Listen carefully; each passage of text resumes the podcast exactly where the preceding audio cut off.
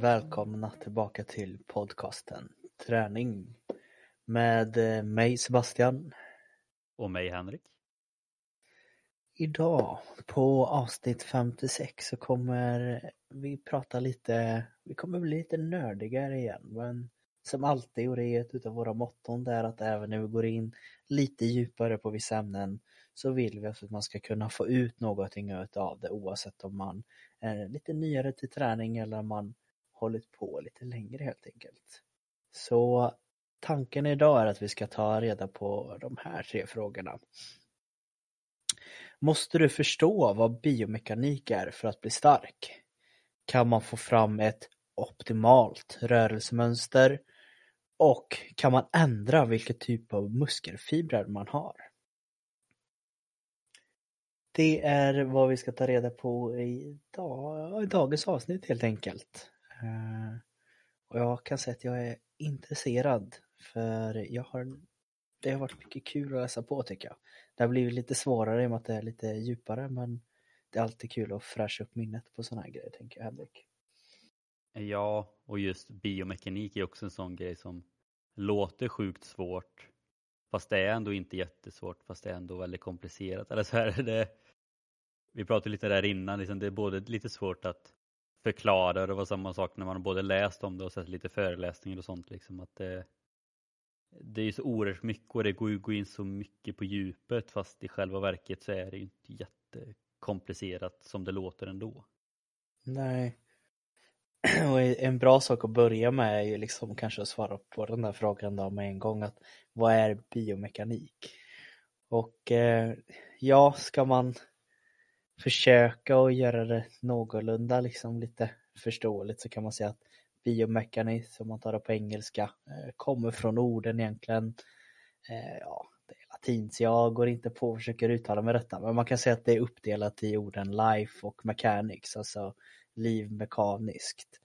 Eh, det är väl egentligen vad själva ordet betyder och redan där får man ett litet hum om vad det är. Mm. Jag tyckte det var väldigt bra förklarat som jag hittat på några ställen att det är att försöka förstå den mekaniska uppbyggnaden utav levande saker kan man säga. Och när man tänker på lite mer mekanisk så kanske man tänker ibland lite på som bilar, brukar jag och Henrik ta upp ibland när vi jämför med olika saker. Och man kan, man kan säga att det är lite samma här, att man försöker förstå lite i kroppen att hur är den uppbyggd? Vad finns det för vinklar i kroppen som kan, som kan mätas och kan någonting ändras om man utsätter kroppen för olika vinklar eller liknande? Eh, och på det sättet, ja men helt enkelt kunna förstå kroppen på ett sådant sätt att man får som en stor ritning utav hela kroppen uppbyggd och på det, då vill man ta hjälp utav det helt enkelt och applicera det i antingen sin idrott eller sin träning eller om det är andra saker just inom rörelse fysiskt. Och kikar man då inom idrott då, eller träning, som kanske är det vi kommer fokusera på i den här podden, så är det ju då att om man lär sig finjustera rörelsemönster, eh, man kan använda biomekanik och analysera till att prestera bättre, eh, man kan se det för att minska skador, få en förbättrad hållbarhet, effektivisera träningen och sen används det, även, används det även väldigt mycket inom forskning och då kanske främst för att utveckla ny utrustning som till exempel nya tävlingsdräkter eller skor har blivit väldigt mycket det senaste med de här.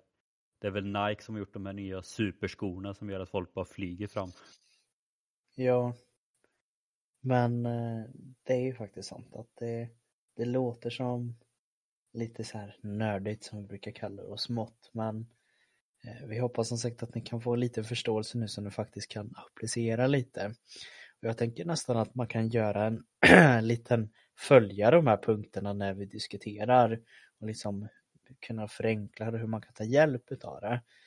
Eh, mycket just det att kunna få, för att kunna lära sig applicera de här och varför du ska kunna göra det så kan det vara bra att ha något att gå efter. För det är väl oftast det som många jobbar med biomekanik gör, att de samlar data på ett eller annat sätt. Eh, och både jag och Henrik har ju faktiskt testat på lite just med det här och vad ska man säga, samla data inom någonting som vi gjort. Eh, du kan väl fräscha upp lyssnarna lite vad det var du gjorde där Henrik? Ja, det som jag främst då fick känna på inom det här var ju, jag tog upp det även i screening-avsnittet som vi har pratat om. Och det var ju då på en kurs på universitetet när vi fick testa att eh, ja, springa på ett löpband samtidigt som vi blev filmade. Och då blev det på två olika sätt och det var, ena var 3D-filmning och det andra var 2D. 2D är väl det klassiska, klassiska som många tänker, liksom då en van, helt vanlig filmkamera var, stod bredvid när man sprang och så filmar man löpsteget för att kunna analysera det. Det som kanske sticker ut lite var ju då istället 3D-filmningen. För då var det så att vi var ja, men i ett rum och löpbandet stod liksom i mitten på rummet. Sen sitt, satt jag kommer inte ihåg exakt hur det var, om det var 12 eller om det var 16 kameror som liksom sitter runt hela rummet och alla blickar liksom mot löpbandet. Sen fick vi sätta på oss en, eh, ja, men en sensor kan man väl säga, eller kort och gott så var det väl egentligen en ja, lite som en reflexboll. Eh, och så satt, fick vi sätta en på höften, en på knät och en vid fotleden. Och när de gör det här på riktigt så har de ju sådana på, kanske på båda benen och väldigt många, men vi gjorde det bara väldigt lätt så då satte vi bara på tre stycken. Och då är det ju så att de här kamerorna då som filmar, de skickar ut infrarött ljus och så skickas det tillbaka då via de här, eller det reflekteras på de här bollarna tillbaka. Och efter det så kunde man lägga in det i ett program och då såg man ju då de här ja, men, bollarna eh, i programmet. Och har man väldigt många sådana så blir det väldigt tydligt att det är ett ben man ser. Här så hade vi bara tre prickar. Men då kunde man liksom lägga till så att det blev streck mellan och då blev det som ett ben. Och via det då så kunde vi då analysera och man kunde få fram exakt varje vinkel i varje bild. Och nu filmar vi i 24 frames per second då, så 24 bilder per sekund och då kunde man få fram exakt vilken vinkel det var i knäleden ja, 24 gånger varje sekund så man kunde verkligen se hur det var. Eh, så det tyckte jag var väldigt intressant som sagt. Det är väldigt nördig nivå men ändå väldigt intressant att se det så exakt liksom att när man till exempel satte ner hälen, vilken vinkel hade man då?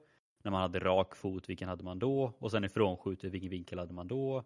Och vilken vinkel hade man liksom när vinkeln var som lägst och som störst och allting och så kunde man jämföra det med varandra och liknande för att se ja, lite olika löpsteg man hade och om det är bra eller dåligt, om det är något skadligt eller inte. Liksom. Så det, det var väl den mest nördiga biome biomekaniken som jag varit med om i alla fall.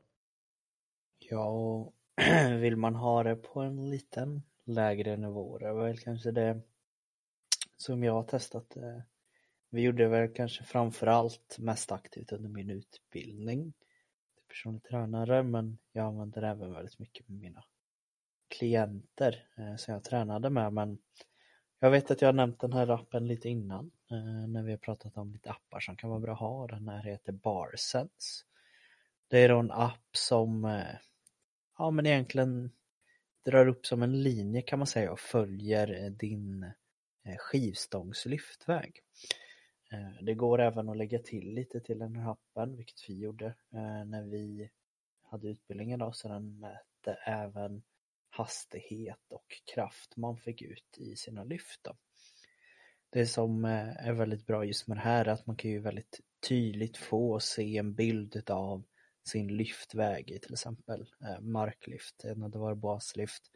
Man kan då se lite att vad är det som sticker ut? Är det, är det någonting som gör att stången åker lite längre fram, inte tillräckligt nära kroppen? Och man försöker då mer hitta den här optimala eh, lyftvägen för att kunna spara på så mycket energi som möjligt. Och det är väl egentligen där eh, som jag känner att man kan lägga sig på en ganska grundlig nivå ändå och ändå så få lite hjälp av det här biomekaniska utan att behöva vara på ett labb är ju som sagt med våra eh, kära mobiler för de, de har ju mycket bra kameror nu för tiden faktiskt på sig. Så man kan faktiskt eh, filma sig själv när man gör en övning, när man springer, när man slår sitt golfslag för att kolla hur rotationen ser ut i höft och allting därifrån. Eh, och sen är det ju bara att man ska veta hur ska jag kunna använda den här filmen till att faktiskt få ut någonting utav det. Och det är det här som är det mest intressanta, eller man säger. Det är som allt annat inom träning i och för sig. Men just det liksom att antingen så går det liksom att ta fram biomekaniken och se hur kroppen funkar i ett labb med hjälp av kameror och ett löpband för ett par miljoner. Eller så laddar man ner en gratisapp på mobilen och filmar sig själv. Och båda är ja, alltså egentligen lika effektiva. Beroende, det är ju helt beroende på vad man är ute efter såklart men om man tänker då det som jag gjorde kanske används främst inom forskning och liknande när allt ska vara så exakt som möjligt medan det som du pratar om kanske egentligen är mer effektivt för gemene man som tränar. Ja men lite faktiskt så. Och det är väl lite där som man ändå så kan på något sätt få en förståelse för den här första punkten som vi sa, lära sig att finjustera rörelsemönster. Eh, för då skulle man ju kunna se på ett löpsteg eller någonting att det gäller ju självklart att ha kunskapen bakom dock så man ser vad man förstår men man kan ändå så få ett litet hum om att man kanske har jätteont i en höger knä säger vi och sen så ser du att det, det blir lite som att hela högerbenet liksom släpar med och något konstigt. Det, det kanske har en väldigt aggressiv nedsättning med högerbenet och det kan ju vara så mycket. Och det betyder kanske inte nödvändigtvis att du måste ändra det där och då eller det kanske är något helt annat men då har du i alla fall fått lite data på vad det är som kan göra och varför det kan vara att du springer långsammare eller lyfter inte riktigt lika tungt för att du gör något litet att med de här små grejerna så kan man ju börja experimentera lite och få just så här att för att komma till nästa punkt, då, hur kan jag prestera så bra som möjligt? Det får man ändå se, jag vet inte hur många som lyssnar som har använt sig av video på ett eller annat sätt. Men ofta brukar man höra, det vet man själv, alltså ända sedan man var liten och spelade fotboll liksom var det bara så här, ja men gör så här istället eller tänk på det här. Det är Samma sak när jag höll på med friidrott så bara, ja, men få upp armarna mer på det här sättet liksom. Man tror ju ofta att man gör det men det är jättesvårt att veta om man inte ser sig själv i tredje person liksom. För ofta så tänk, alltså man tänker att man gör någonting men då blir det också kanske att man tänker på det för mycket och så blir det fel. Eller så känns det som man gör någonting fast man kanske behöver göra det någon procent till liksom. Men ofta när man ser på video sen så man bara Jaha, är det så det ser ut från sidan liksom? För det är, det är väldigt sällan som det både känns och ser likadant ut så att det är ju verkligen ett bra sätt att bara, bara för att se hur man, hur man gör eller hur man funkar. Ja.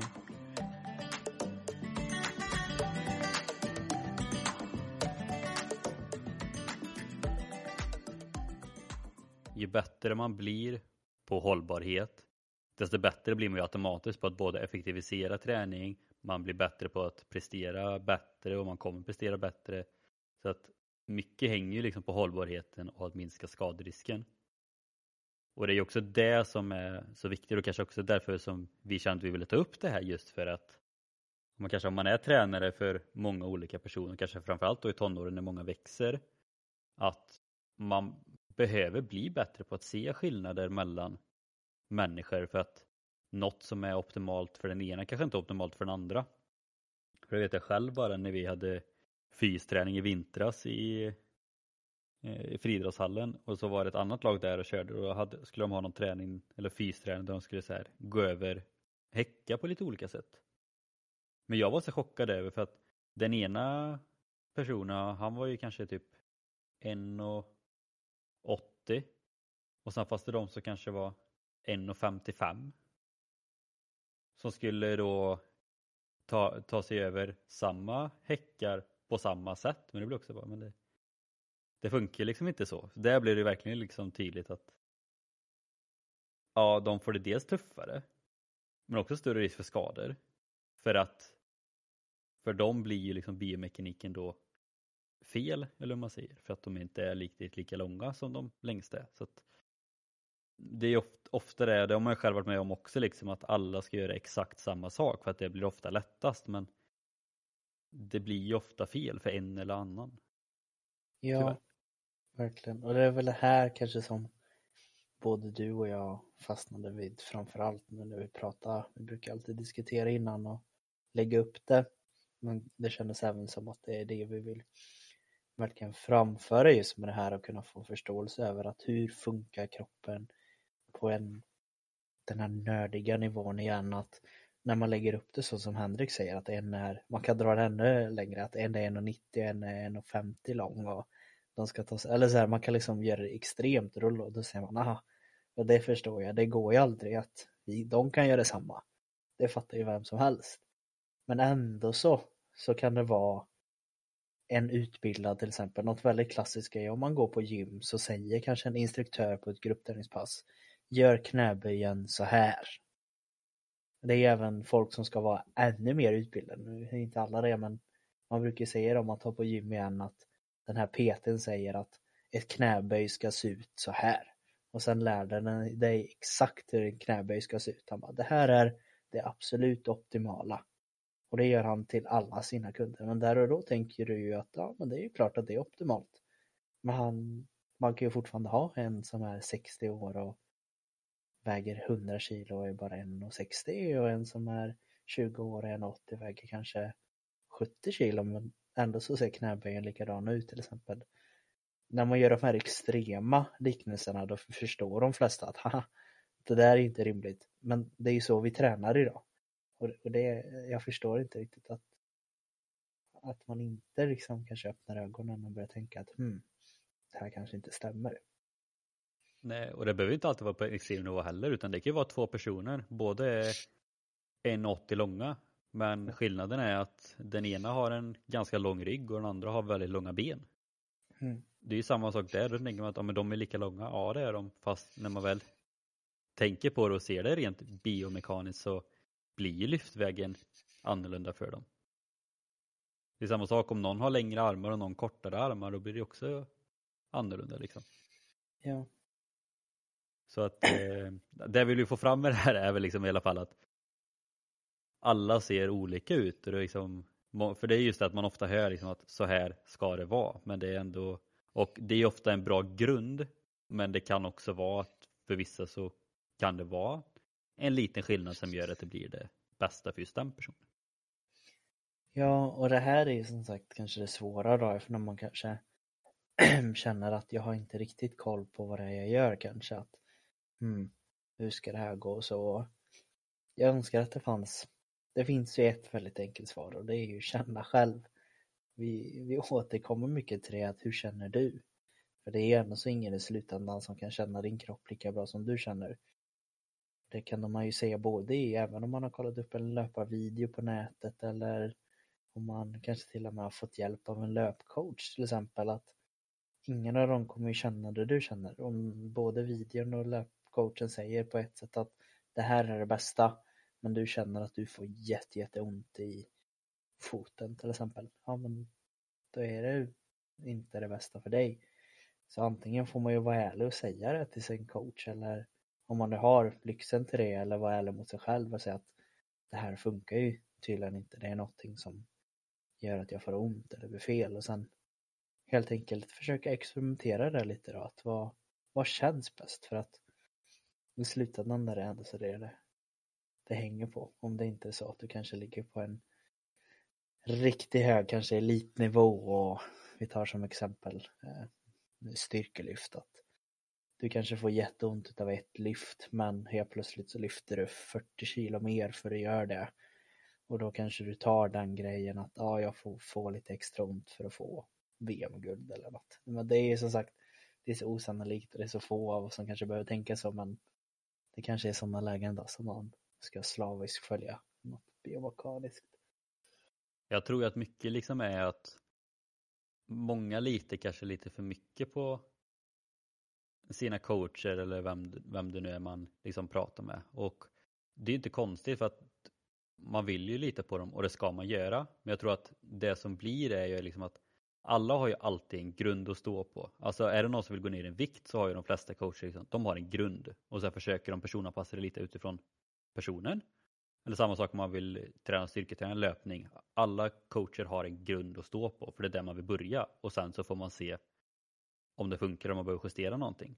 Och då blir det liksom också att om då du eller klienten liksom litar på det till 100% och aldrig vågar fråga eller säga emot eller om det är något som inte funkar. Liksom, och man kan bara tänka på att ja, men, nu har han sagt så här och då ska det funka.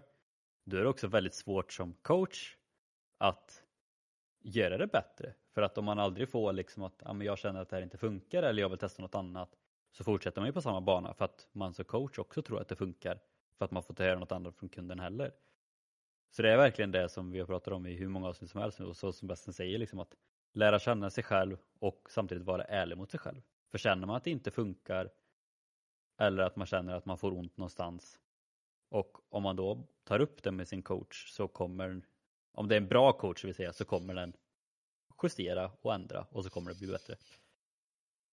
Det är ju mer än ett utropstecken red flag om om man har liksom har coach då och den lägger upp ett upplägg och den inte ändrar något. För det, det är inte stor sannolikhet att den har lyckats pricka in optimalt för dig med ett upplägg som den har kört på kanske flera hundra andra utan det, det ska alltid person, ja, men ändras lite för personligheten liksom. Och det är väl kanske det vi vill ge liksom svar på här kanske att kan man uppnå eller få någon form av optimal rörelsemönster. Och det positiva är att ja, det, det går att få någon form av optimal rörelsemönster. Nackdelen är att det, det kommer aldrig finnas en, en guide på exakt vad det är. Det, vi kan avsluta med det som Henke sa där, att det finns en liten mall att någonstans här borde det vara. Det är inte så att man kanske har kommit ännu så pass långt att man inte ska springa och på händerna liksom, utan vi kanske har förstått att för de allra flesta så springer vi snabbast med fötterna. Och då har man någon, någon mall att gå efter liksom och det borde se ut ungefär så här och sen så efter det får man oftast om man ska vara helt ärlig, det behövs några år. Eh, vad är det man brukar säga, det är 10 000 timmar eller något för att bemästra något va? Ja, det är 10 000 timmar. Ja, något sånt. Men det är ju samma där med träning och allt, allt som man vill uppnå. Att antagligen behövs det nog, om man ska vara helt ärlig, så, så många timmar för att faktiskt ändå ha ett litet hum om hur ens kropp fungerar och hur man känner den. Och därifrån så börjar man hitta någon form av optimal rörelsemönster. Då. Ja, jag var på. Ja, för jag var på en föreläsning i måndags där de tog upp just det här och så var liksom rubriken Finns det en optimal löpteknik? Och svaret kort och gott Nej, det finns ingen optimal löpteknik. Det finns väldigt många olika sätt att springa på. Men det finns mönster som är associerade till specifika skador. Och så är det med allting oavsett om det är löpning, om det är styrkelyft eller om det är fotboll eller vad som helst. Liksom det, det finns inget optimalt, exakt så här ska du göra. För då, ja, men då hade ju troligtvis, ja precis, då hade alla gjort det. Alltså det är bara återigen som vi pratade om också nu det senaste, ta Nils van der Poel. Han gick utanför boxen och utklassade alla sina motståndare för att han hittade något nytt. Samma sak i styrkelyft, alltså tar man marklyft, men först så hade man på ett sätt och sen kom sumomark in och blev väldigt populärt. Eller bara det att man håller ena handen uppifrån och andra underifrån. Det är så här nya tekniker som kommer komma hela tiden och så är det med allting. Det, är liksom, det finns inte exakt så här ska du göra. Och ibland får man ju tyvärr höra det framförallt då kanske när man kommer till ett gym inom styrkevärlden att så här ska det se ut. Och det måste inte alls se ut så. Sen finns det återigen som sagt mönster som det här är bra, eller det här ska du tänka på för att det inte skada dig. Och så, sånt kommer alltid finnas inom allting. Men det kommer aldrig gå att finnas att så här ska du göra för det här är hundraprocentigt rätt. För att återigen, alla personer är olika och då blir det helt olika saker för varje individ. Sen finns det alltid återigen en grund som är bra att ha för att undvika skador och för att få en förståelse. Men för att komma så nära optimalt som möjligt så måste man verkligen gå personligt. Verkligen. Så även om det kanske var både svara på frågorna och inte svara så hoppas man hade har fått en liten förståelse av vad biomekanisk, eh, biomekanik är för något och hur man kan använda det i sin träning helt enkelt.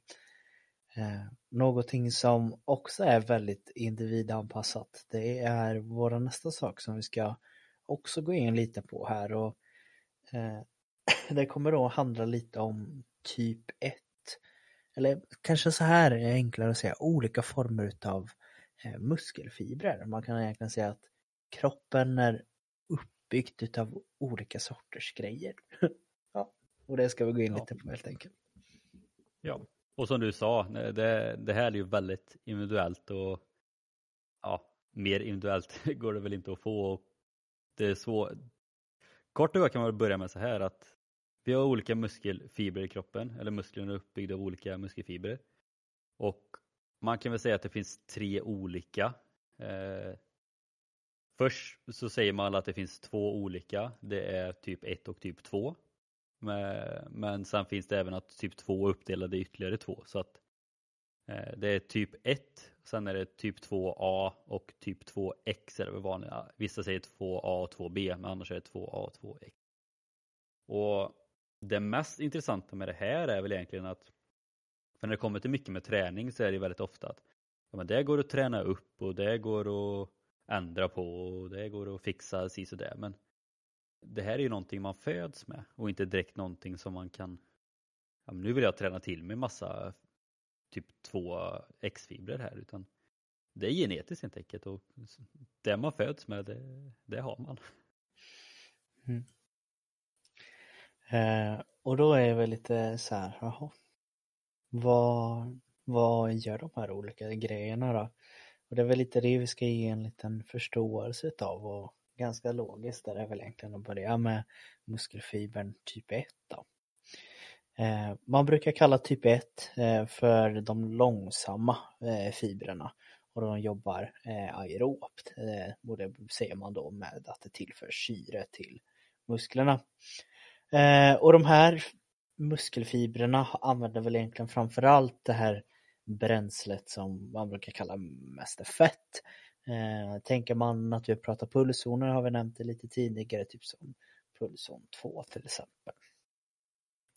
Eh, och det man gör här är väl egentligen att musklerna är liksom mer uthålliga och mer lämpade då för egentligen uthållighetssporter som till exempel ultralöpning eller långdistanslöpning eller cykling eller något liknande där man egentligen helt enkelt behöver hålla igång under en längre tid.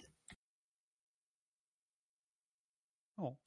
Ja. Eh, ett väldigt bra exempel just på att kunna se att ja men vad ska man säga att det, det, kan ha någonting med genetik att göra. Det är väl kanske gå in lite just på olika former utav eh, just kroppsbyggnaden när man kanske då kollar på om man ska ta långdistans eh, löpning eller cykling att kollar man på dem rent kroppsmässigt så ser ju de flesta ganska lika ut.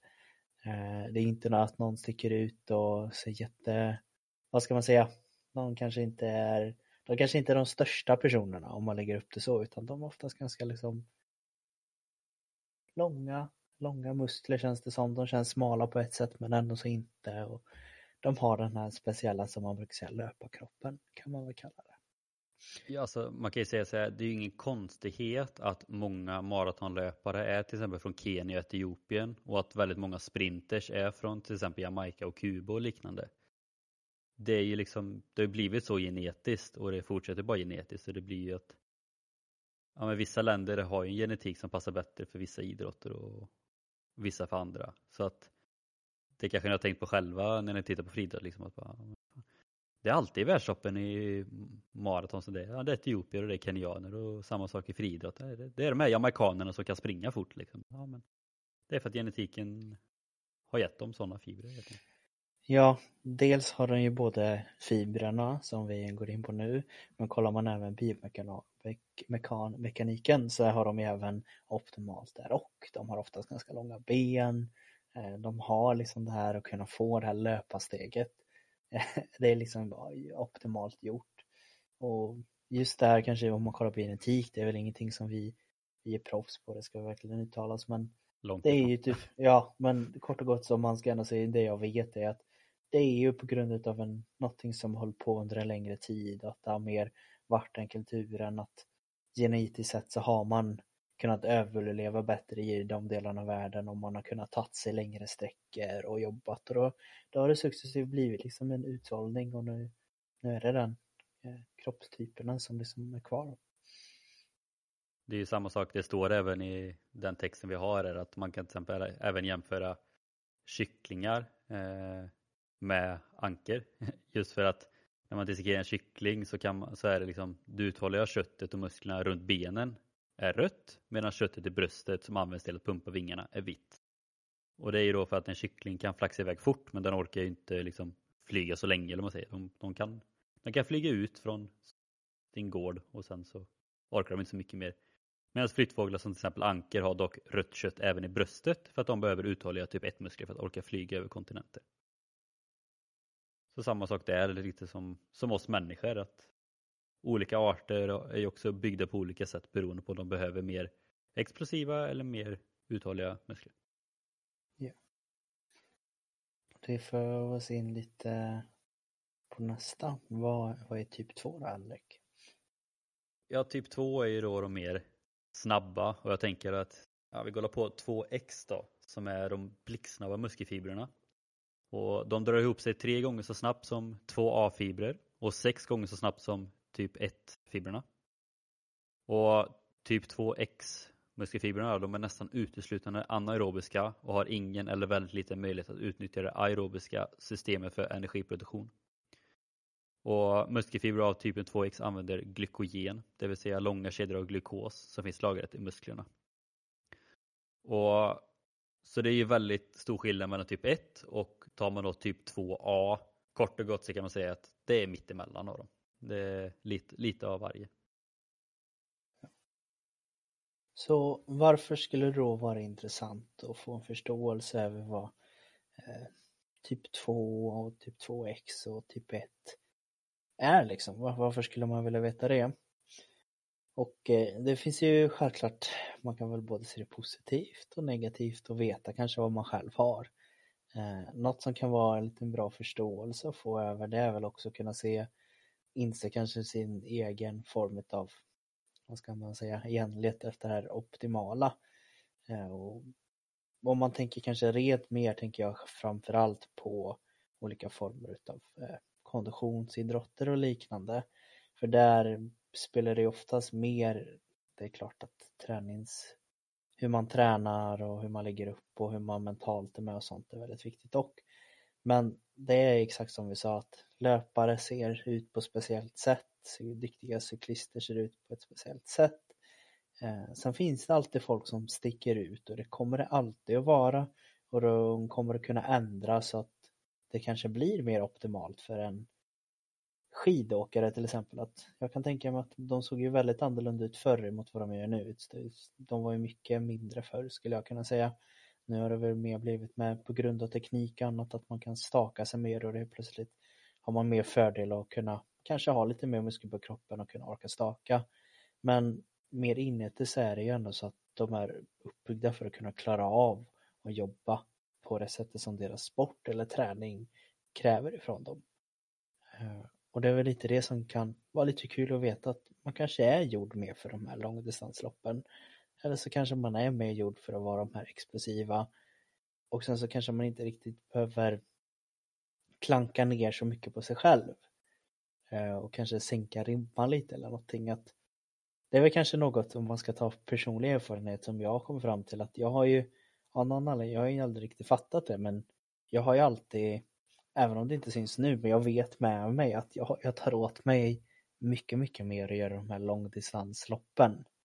För även om jag kanske inte är långdistansare nu om man kollar på resten av kroppen eh, så tar jag ändå så åt mig det ganska snabbt. Om man då jämför med just den här explosiviteten som jag har betydligt svårare med att kunna få en ökning i helt enkelt.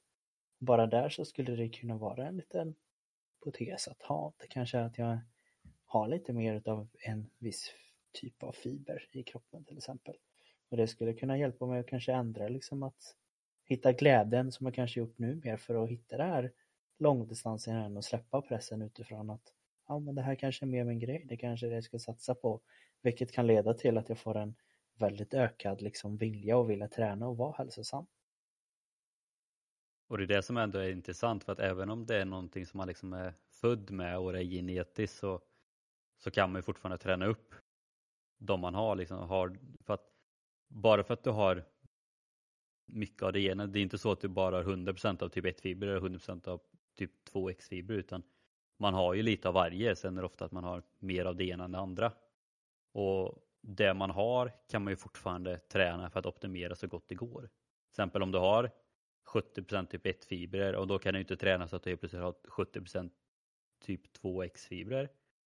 Men du kan ju fortfarande optimera de typ 2A och 2X-fibrerna som du har.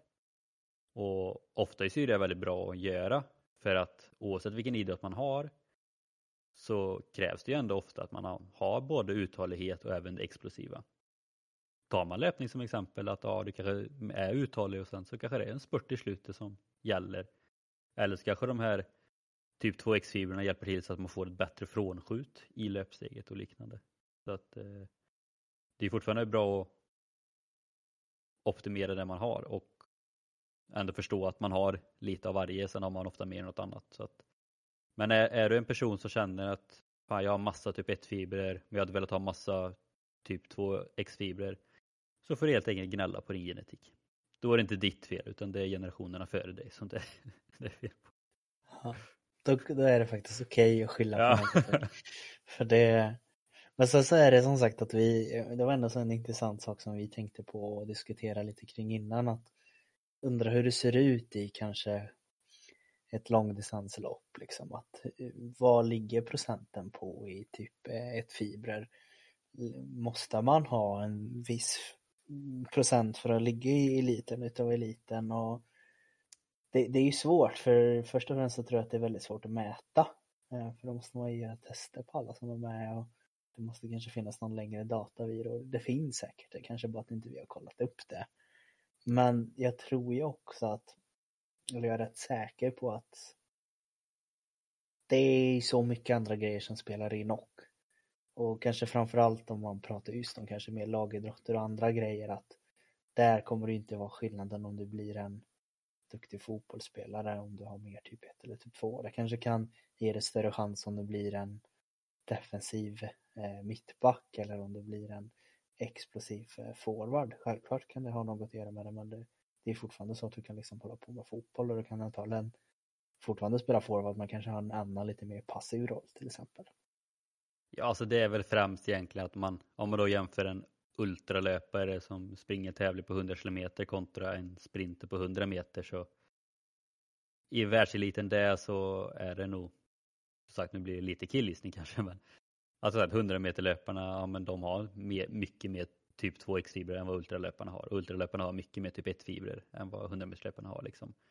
Men ser man rent generellt och framförallt på, alltså som vi tror att de flesta av er som lyssnar på den här podden är ju helt vanliga vanliga motionärer som bara tränar för hälsans skull liksom. Då, då är det i stort sett skitsamma vilka fibrer man har. Och, för det, det är, alltså personligen så tror jag att det är först när man kommer upp liksom på en elitnivå som man kanske märker av en skillnad. Liksom. Tränar man bara för skojs skull eller för hälsans skull då, då spelar det ingen roll. Även om du har massa typ 1 fiber så kan du fortfarande träna explosiv träning för att du tycker att det är kul.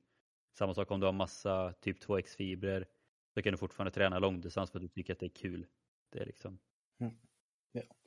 Och skulle det vara så att man säger att oh, det är bara en sak genetiskt jag har emot mig som står mellan mig och bli nästa Usain Bolt. Jag kan säga att då är det massor med andra saker och om man ska vara ärlig då är det här biomekaniska att han är optimalt uppbyggd med sitt löparsteg, med hur höften är vinklad med fötterna. Alltså de här som är GOATs, som man säger, greatest of all time, de har ju liksom bara lyckats kunna pricka rätt med allt. Och det, det finns ju en anledning till varför inte alla kan bli top of the top. För att alla har inte det mentala, alla har inte förutsättningarna, alla hittar inte rätt. Eh, så det är massor med andra saker, det är inte bara att de lyckades pricka rätt på fibrer liksom. Men det låter ju alltid bra att säga att man har, då har man åtminstone något att skylla på som man inte kan påverka själv och det, det är alltid skönt att ha den i alla fall. Den backupen ja. ja. Det... Att man inte tränar överhuvudtaget, det är, det är ju det är inte lika kul att säga liksom. Då är det ju roligare att säga liksom. Ja, men det, det var genetiska som sket sig liksom. Ja. ja. Eh, så där är väl också så här att nej, du kan inte ändra vilka muskelfibrer du har helt enkelt. Utan de du har, de har du. Men du kan optimera det du har och ändå så prestera väldigt bra med allting som du vill uppnå. Det, det här, alltså, det här är ju mer en liksom fun fact grej typ. Det är ju Jag tror inte att det är något som man fokuserar på jättemycket. Det är bara kul att veta att man har olika muskelfibertyper och här i Sverige så tror jag rent generellt att vi har ju ganska jämnt fördelat ändå så att Mm. Men kul att veta. Kul att veta ja. Och det är lite det som eh, ni fick reda på idag då. Gå in lite och ja, men liksom nosa lite lätt på det här lite djupare nivåerna just inom det här biomekaniken men även just hur kroppen är uppbyggd med olika sorters fibrer. Och eh, är det så att du känner någon nu som kanske ja, men känner att den här personen behöver nörda ner sig lite mer i just att hur kan jag få fram min optimala golvsving, Då kanske den ska ta hjälp av att filma sig själv och tänka lite biomekanik. Eller har du en partner som alltid slår dig på långdistansloppen? Ja, men visa partnern då det här avsnittet och be den lyssna och så kan du bara säga att det är på grund av mina fibrer som jag inte slår dig i löpningen. Och då, då har du fått det också liksom. Och det kan man göra eller så kan man bara be dem att gå in och följa oss på Instagram ett Traning Podcast där vi lägger upp lite andra roliga grejer och lite små roliga information just om kanske sådana här saker eller något annat. Vem vet vad det kan vara. Eh, men förhoppningsvis så fick ni ut något utav det här avsnittet. Och det kanske var lite, lite rörigt för vissa. Och det, men som sagt, det är återigen ett ganska stort ämne och det finns mycket att prata om. Men samtidigt är det att man vill hålla det på en hyfsad nivå och inte gå in för djupt heller. För att just biomekanik kan man gå in Alltså, vi hade kunnat gå in och prata i flera timmar om egentligen bara en vävarm liksom, eller så här, en vinkel. Men Mm. nu blir det väldigt brett istället. Och men förhoppningsvis gav det er mer än vad det hade gjort om vi hade varit nördat ner oss på något visst ämne. Men eh, skulle det vara så att ni vill att vi nördar ner oss inom något mer eller om ni vill höra mer om det här så skriv till oss så kan vi nog göra ett part. Då kan du säkert få en timme om hur man kan få en optimal hävarm med en marklyft eller vad, vad vi pratar om. Det löser vi. Men annars är det väl som vanligt då att vi, vi tackar er som lyssnar och eh, vi hörs nästa vecka helt enkelt. Det gör vi. Ha det gott.